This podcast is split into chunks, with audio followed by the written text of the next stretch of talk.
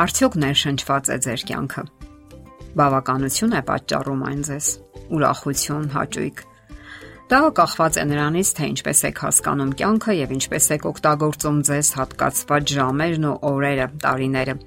Ինչպես ապրել։ Այս հարցը բոլորին է հուզում։ Ինչ անել, որ կյանքը իսկապես հետաքրքիր լինի եւ ուրախություն պատճառի,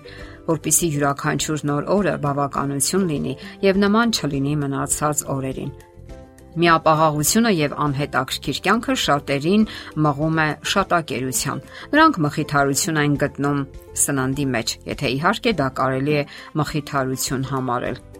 Շատերն էլ հատկապես տղամարդիկ հակվում են դեպի ալկոհոլը եւ ի վերջո դառնում քրոնիկ հարբեցող։ Վատ սովորությունները, ինչպես ասում են, արագ են արմատավորվում։ Ամերիկյան կին գրող Էն Լամոտը մեր ժամանակակիցն է։ Նա քրիստոնեական միսիոներներից սերող թորներից մեկն է։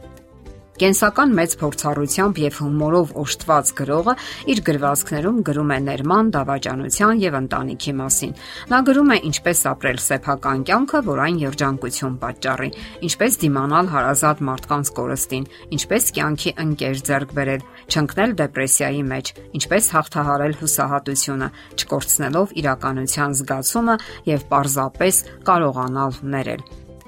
Եվ ահա նա իր խորհուրդներն է առաջարկում այն մարդկանց, որոնք հոգեբանական եւ առողջական հիմնախնդիրներ ունեն, ընկել են բացասական կախվածության մեջ եւ արդյունքում առողջական լուրջ հիմնախնդիրներ ունեն։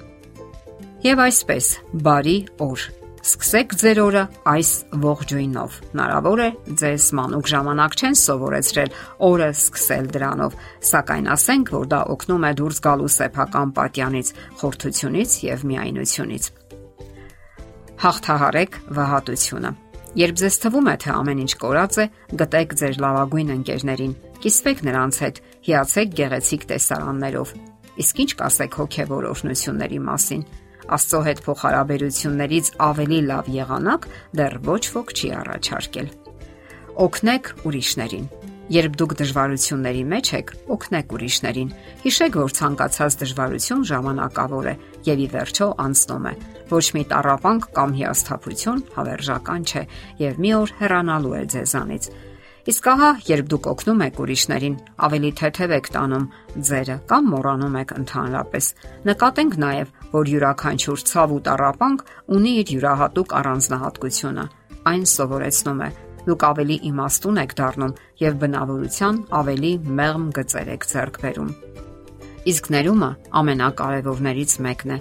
Չներելը կարելի է համեմատել առնետի թույնի հետ։ Սա նույնն է, ինչ դուք խմեք առնետի թույնը եւ սպասեք, որ նա սատկի։ Ներման բացակայությունը նման է բոր հիվանդությանը։ Եթե ժամանակին չեք բուժում այն, նա կարող է քայքայել ձեր ողջ ներաշխարը, վերացնել ձեր հոգեկան հավասարակշռությունը, հոգևոր արժեքները։ Իսկ մի օր դուք կկորցնեք նաև ձեր սեփական եսը։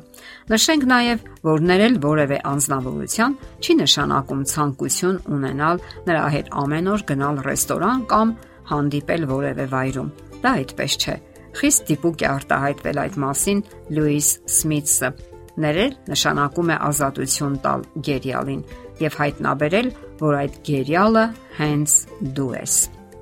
Ներել նշանակում է, որ դու չես ցանկանում պատասխան հարված հասցնել եւ ոչ էլ քո լավագույն ցանկությունն է նրա հետ անցկасնել քո արցակուրդը։ Իսկ եթե ճարիքին ճարիքով ես պատասխանում, հայտնվում ես մղզավանջի ծուղակում։ Մի փոքր սննդի մասին։ Սնունդը պետք է համեղ լինի, սակայն առաջին հերթին այն պետք է լինի օգտակար։ Մենք արդեն խոսեցինք ված սովորությունների մասին, որոնք ծնվում են որպես թե որպես մխիթարություն։